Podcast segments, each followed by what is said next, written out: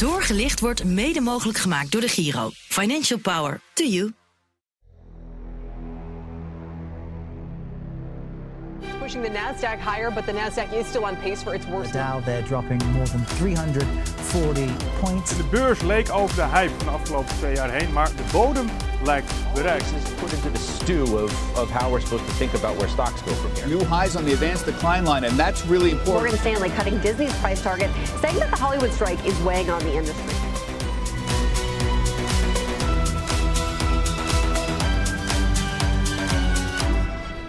De koersen die vliegen je hier om de oren. Hoe bepaal je als belegger dan nog welk aandeel potentie heeft en welke niet? Met behulp van fundamentele analyse. Dat klinkt een beetje moeilijk en wollig, maar een sterke beleggingsportefeuille kan eigenlijk niet zonder. Gelukkig leggen wij je alles wat je moet weten uit in het programma Doorgelicht. De podcast waar we de schijnwerper richten op de bedrijven achter jouw favoriete aandelen. Mijn naam is Nina van den Dungen en naast mij staat Jim Theopoering, analist en vermogensbeheerder bij Eén Vermogensbeheer. Dag Jim. Dag Nina, leuk dat ik er ben. Ja, leuk dat we dit programma samen kunnen maken. Jij bent beleggingsexpert, je werkt voor Eén Vermogensbeheer, je bent vermogensbeheerder. Hoe lang al? Nou, vermogensbeheerder dat ben ik nog niet zo lang. Ik ben zes jaar geleden met het bedrijf gestart. Maar ik ben al wel heel lang bezig met aandelen, geld, alles wat daarmee te maken heeft. Ik denk dat ik al een jaar of twaalf was dat ik het interessant vond dat je valutaschommelingen had. Een jaar of zestien, toen begon ik met mijn eerste aandelen. Egon, ik durf het bijna niet te zeggen, want die waren toen iets van 100 gulden en nu 5 Ja. euro. En ja, toen ben ik economie gaan studeren, bij eh, een beleggersbank gewerkt. Dat was toen alex.nl, kon je online beleggen. En ja, ik ben gewoon enthousiast over beleggen. En eh, alles wat ik tot nu toe heb gedaan in eh, privé en ook zakelijk, dat had altijd wel een beetje met die beurs te maken. Ja, en je bent nu begin 40, dus je zit gewoon al 30 jaar te beleggen. Ja, dat klinkt wel alsof ik inderdaad heel oud ben. En toch is het wel zo. Al beleg je 30 jaar, het is elke dag ook weer anders. En er is altijd weer iets wat je niet had zien aankomen. Maar Nina, jij bent journalist. Je presenteert het programma bij BNR. Mhm. Ehm, heb jij ook iets met beleggen? Eh, ja, het was een beetje een, eh, een soort noodgedwongen iets aan het begin. Want ik freelance al mijn hele leven. Dus ergens ga je een keer nadenken over... Goh, als ik dan ooit oud mag worden, waar haal ik dan mijn geld vandaan? Dus toen begon het eerst met een beetje crypto. Dat was leuk en dat merkte ik eigenlijk dat dat best wel bij me paste. Ja. Eh, op een gegeven moment was ik er ook weer klaar mee. Dus toen heb ik dat weer allemaal van de hand gedaan. Toen dacht ik, ja, nu moet ik gewoon echt beleggen. En dan heb je niet zulke achterlijke koersdalingen en koersstijgingen. Dus laat ik nu maar eens eventjes goed gaan beleggen voor eh, mijn oude dag. Ja. Ja, dat vind ik wel leuk dat je dat ook zegt. Hè? Je hebt het over crypto en vervolgens zeg je echt beleggen. Want vind jij Ja. crypto's niet echt beleggen? Ik vond het echt een cowboy gedoe. Ja, nou, maar op een le- hele leuke manier. hè. Ik heb ervan genoten. Maar je, je moet wel eh, echt wel stevig in je schoenen staan en ballen hebben om daar te hopen dat je een althans in mijn bescheiden mening, dat je daar een eh, pensioen uithaalt. Hoewel Ja. ik ook mensen ken die daar heel erg veel geld mee hebben verdiend. Dus die wellicht helemaal nooit meer hoeven te werken. Nou, die zijn er inderdaad. Er zijn er ook die er heel veel mee hebben verloren. Maar Ja. het klopt wel een beetje wat je zegt natuurlijk. Hè? Het is echt de koers en vraag en aanbod. En het leuke is ook, tenminste dat gaan wij denk ik samen doen in dit programma. Echt kijken naar de bedrijven en wat is iets waard. En dat is natuurlijk heel moeilijk bij crypto's om te bepalen wat iets waard is. Want dat is puur vraag en aanbod. En als je belegt in aandelen, dan kun je dus ook echt gaan kijken van wat wordt er nou verdiend? Is er omzet? Is het een sterk management? En dan is het iets makkelijker, nooit zeker, Ja. om een goede keuze te maken. Ja, ja wij gaan inderdaad eh, de meest verhandelde aandelen in Nederland gaan wij eh, behandelen. Elke aflevering pikken we een bedrijf en dat gaan we helemaal doorlichten. Vandaar ook PNR doorgelicht. En eh, een fundamentele analyse op loslaten. Nou, daarbij wil ik zelf als de presentator en de journalist in dit programma wel even opmerken dat ik dus inderdaad aan het beleggen ben, maar alleen in indextrekkers, ETF's, fondsbeleggen. Ehm Express heb ik afstand gedaan van al mijn individuele aandelen, omdat we een aantal daarvan ook hier gaan behandelen. Dat kan natuurlijk gewoon leiden tot belangenverstrengeling. Dat moet ik absoluut niet hebben. Vandaar dat ik daar afstand van heb gedaan. Voor jou is dat iets ingewikkelder, denk ik. Want één vermogensbeheer is jouw werk, is jouw baan. Je bent vermogensbeheerder. Je kan moeilijk zeggen, nou speciaal voor doorgelicht ga ik even alle aandelen van de hand doen. Nee, dat eh, hebben wij eh, inderdaad niet gedaan, want dat is natuurlijk onze core business. Ehm, ja, jij bent dan inderdaad 100% objectief als je nooit een positie hebt en wel gelukkig ook ETF's.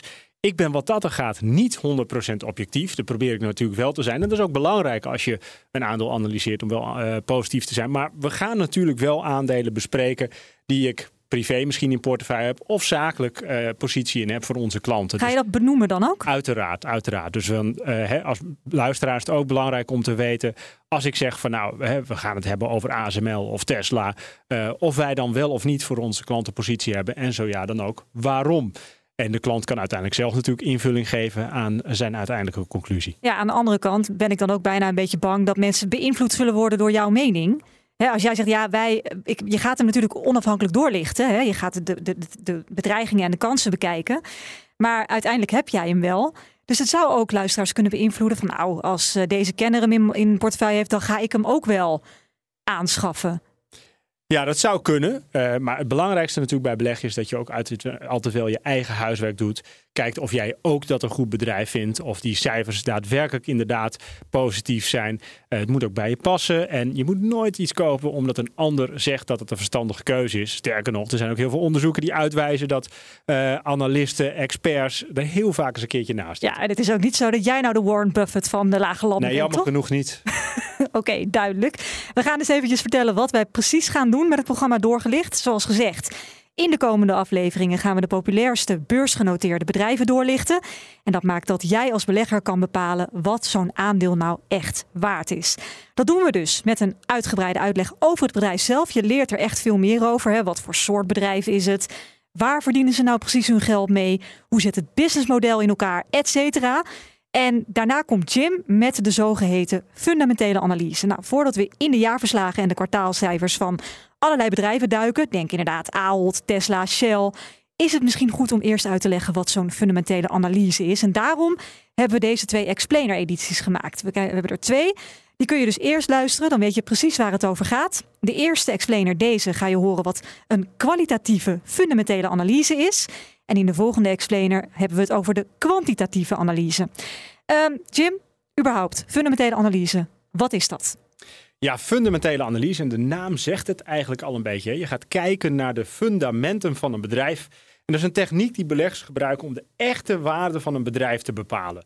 Nou, dat kun je doen, eh, ja, de naam zegt het dus al, hè, naar de fundamenten van dat bedrijf te kijken. En zo kom je erachter of een aandeel van een bedrijf ondergewaardeerd is, overgewaardeerd is of misschien ook wel juist precies de juiste waarde heeft. Ja. Dus ik zeg wel eens, het gaat erom, wat moet je nou kopen? Ja, en de fundamenten, wat bedoel je dan?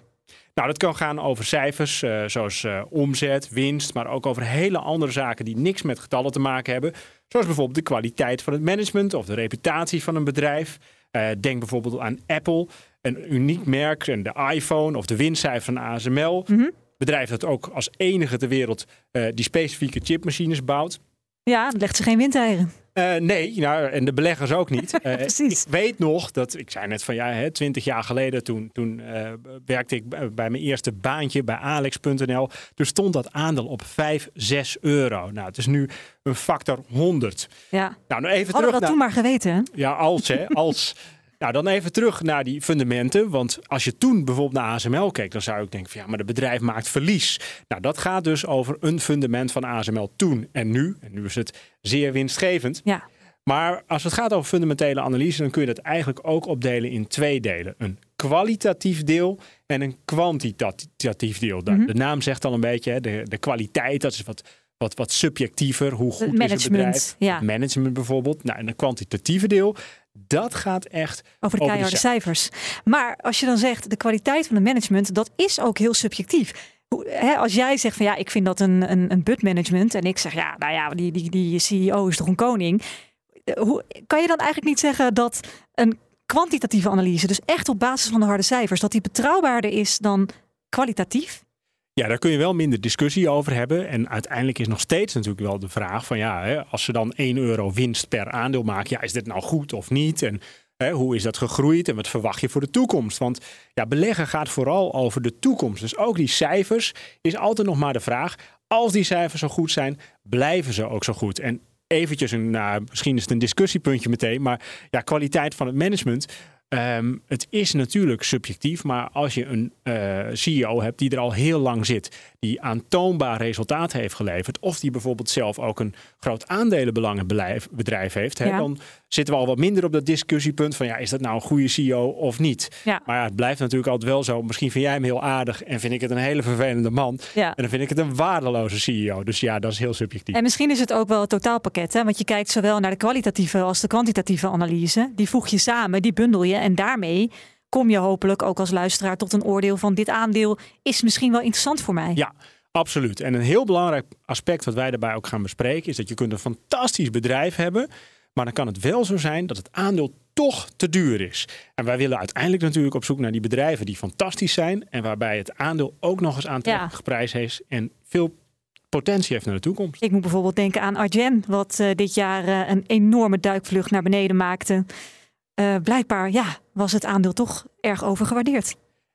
Ja, dat zou je inderdaad dus wel kunnen concluderen. De markt heeft uiteindelijk altijd gelijk. Maar als je kijkt naar de toekomstige groei en de mogelijke eh, winst die daar nog gaat komen. Ja, misschien is er ook nog wel heel veel potentie. En er zijn ook beleggers geweest die hebben het al in een eerder stadium gekocht natuurlijk. Hè. Dus Mhm. die staan altijd nog op winst. Maar ja, Ja. ook als je van 2500 euro terugzakt naar bijvoorbeeld 1000. eh, al heb je gekocht op 300 euro. Het voelt toch als verlies. Ja, dat snap ik. Hey, en Jim, je hebt natuurlijk ook nog technische analyse, toch? Klopt inderdaad. Nou, dat gaan wij niet doen. Dat gaan wij niet doen. En de technische analyse is een hele andere manier eh, van het analyseren van aandelen en de potentie. En die kijkt helemaal niet naar de kwaliteit van het management. Die kijkt ook niet naar de cijfers. Die kijkt alleen maar naar de grafiek. Dus ik zeg wel eens, als je fundamentele analyse toepast, dan ben je aan het kijken van, ja, wat moet ik nou kopen? Welk bedrijf? Als je kijkt naar technische analyse, dat is misschien meer interessant voor timing. Hè? Op welk moment moet ik kopen? Zit het aandeel in een dipje? Of heeft het misschien de top bereikt? Dus het gaat eigenlijk helemaal niet over het bedrijf, alleen maar over de koers. Maar die technische analyse, eh, interessant voor traders. Maar wij gaan het hebben over de bedrijven. En ja, die grafiek is dan ineens minder belangrijk. Ja, en het is ook een ontzettend eh, iets op de actualiteit. Hè? Want wij maken een podcast, eh, die kun je op elk moment luisteren. Het is toch moeilijk als wij technische analyse gaan doen, terwijl inmiddels de koers toch wel flink gedaald is. Ja, dat. En technische analyse op de radio. Als je de grafiek niet ziet, ja, dan wordt het ja, wel heel dan wordt lastig. het heel lastig. Oké, gaan we niet doen. Hele belangrijke disclaimer gaan wij nog noemen. Ehm, want inderdaad, we gaan dus elke aflevering een bedrijf doorlichten. En daar is het bij heel belangrijk dat de luisteraar goed weet dat wij absoluut geen beleggingsadvies geven. Jij ook niet, niet verkapt. Ik hou jou extra scherp in de gaten als, eh, eh, als vermogensbeheerder die waarschijnlijk ook een aantal aandelen in portefeuille heeft. Eh, maar wij geven alle informatie. Dat is ons doel. We willen informatie en feitelijkheden en analyse delen. En de luisteraar die beslist uiteindelijk zelf of dit aandeel iets voor hem of haar is. Ja, absoluut. Ik hoop overigens wel dat mensen die dit luisteren en nog niet beleggen, wel besluiten om uiteindelijk te gaan beleggen. Want ik denk dat we dat advies wel mogen geven. Dat, hè, dat je uiteindelijk misschien wel een dief van je portemonnee bent als je niet voor de toekomst ook een eh, deel van je vermogen investeert in aandelen.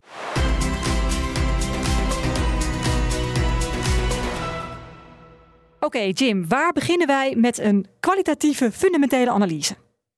Nou, als je een bedrijf kwalitatief wil beoordelen, dan kun je bijvoorbeeld denken aan een SWOT-analyse. Ja, dat is eh, eh, sterktes, zwaktes, kansen en bedreigingen, maar dan in het Engels. Strengths, weaknesses, opportunities en threats. Exact, Nina. Aha. Ja, en om die kwalitatieve aspecten van een bedrijf te waarderen, dan kun je dus naar vier facetten kijken. Je noemde ze al.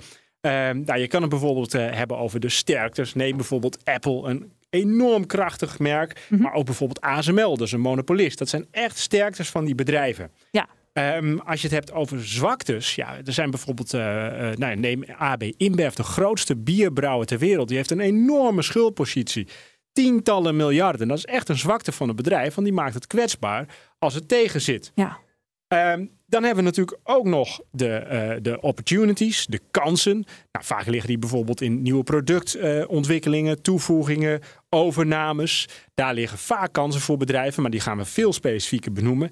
En de bedreigingen, de kans dat er bijvoorbeeld nieuwe toetreders zijn. Nou, mooi voorbeeld daarvan hebben we een tijdje terug gezien met Meta. Dat heette vroeger Facebook.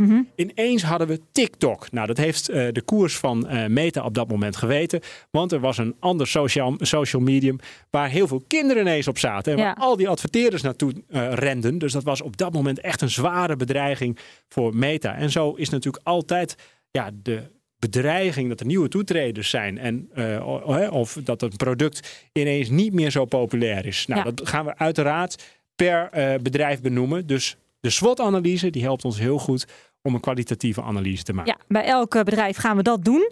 Je hebt ook nog de ESG-rating, weet Ja, ik. Wat is dat? Klopt inderdaad. En die hadden we vijf jaar geleden. Hadden we die eigenlijk nog nauwelijks. Hè? Maar dat heeft alles te maken met een trend die ook onder beleggers en investeerders heel sterk is. En dat eh, gaat over duurzaamheid. Dus ESG, environmental, social en governance. Mhm. Oftewel in het Nederlands. Hè, het gaat over milieu, eh, de, de mens en de omgeving. En goed bestuur. Dat is natuurlijk ook heel belangrijk. En integer, dus integriteit. Ja, Integer bestuur. Hm. Klopt. En eh, nou ja, de bedrijven die hebben een ESG-rating. En op het moment dat zo'n eh, rating, zo'n duurzaamheidsrating niet goed is, dan zie je dus ook dat er investeerders, pensioenfondsen bijvoorbeeld, Weglopen. dat die inderdaad De afhalen. wapenindustrie zal een hele lage ESG-rating hebben. Dat klopt inderdaad. De olieindustrie. Ja, en toch is het ook wel weer zo dat eh, heel veel beleggers niet uitsluiten dat ze in olie in- investeren of in oliebedrijven investeren. Maar dan alleen als die bedrijven een goede duurzaamheidsagenda hebben. Nou, Shell is daar natuurlijk nog voor beboet ze- zelfs. Mhm. Maar uiteindelijk hebben zij natuurlijk ook een agenda om wel eh, hun emissie te reduceren en misschien zelfs wel CO2-neutraal te worden. Ja. Die agenda, nou, dat is wel essentieel voor bedrijven dat ze die hebben. En dan gaan we dus ook naar kijken in welke mate doet een bedrijf aan ESG. Ja, oké. maar het heeft dus niet directe invloed op eh, de kwalitatieve analyse of de kwantitatieve analyse. Een ESG-rating is niet van belang ehm, voor eh, de koers van het aandeel. Nou, niet direct. eh, maar uiteindelijk wel, want het geeft ook een stukje weer over de kwaliteit en de toekomstbestendigheid van een bedrijf. Hm. Want juist nu de focus daar zo op ligt, en die blijft daar natuurlijk ook op liggen, eh, zal het wel betekenen dat als jouw ESG-rating niet op orde is en jouw duurzaamheidsagenda is niet goed, dat beleggers besluiten om het aandeel niet te kopen. Dat leidt tot een lagere koers. Ja, helemaal helder. Als ik dit nou allemaal wil eh, opzoeken voor een bedrijf dat wij eh, nog niet hebben behandeld of überhaupt niet gaan behandelen, waar kan ik die informatie dan allemaal vinden? Nou, er zijn ratingbedrijven, die hebben online dus ook de rating beschikbaar van al die beursgenoteerde bedrijven, bijvoorbeeld Sustainalytics. Mhm. Als je echt het hele uitgebreide pakket wil hebben, dan moet je daar lid van worden. Eh Refinitiv geeft ook een ESG-rating. En nou is het overigens wel zo dat eh, de sponsor van dit programma, die heeft ook eh, eigenlijk voor bijna al die aandelen, of nou Ahold of Tesla is, die ESG-rating van Refinitiv beschikbaar. Dus Ja. een hele makkelijke manier om het even aan te klikken, kijken bij ESG. En dan zie je dus, ja, hoe wordt dat beoordeeld? En de ene belegger zal dat voor zichzelf misschien wat minder belangrijk vinden dan de ander. Maar in de toekomst is dit echt iets waar beleggers rekening mee moeten houden. Ja, dus inderdaad, bij de Giro kan je dat ook vinden. Eh, ook een kwalitatieve analyse en een kwantitatieve analyse.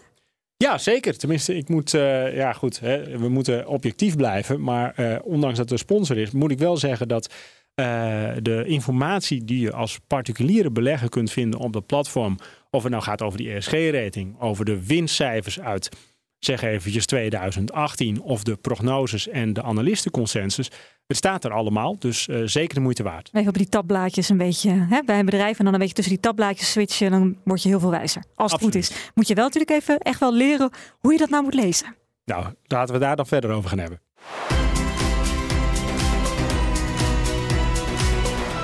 Dit was de kwalitatieve fundamentele analyse. Even in een notendop. In de volgende explainer, en ook meteen de laatste, duiken wij in de cijfers. Want dan hebben we het dus over die kwantitatieve fundamentele analyse.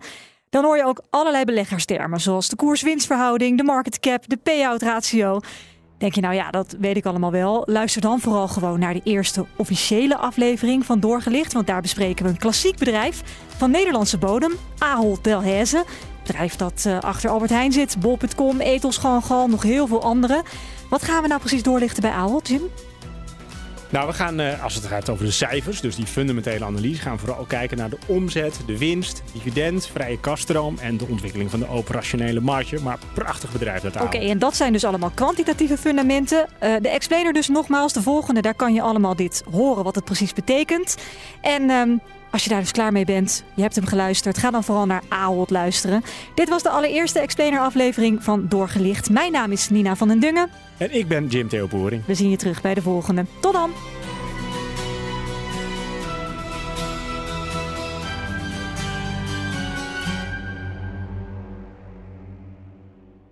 Doorgelicht wordt mede mogelijk gemaakt door de Giro. Financial Power to you.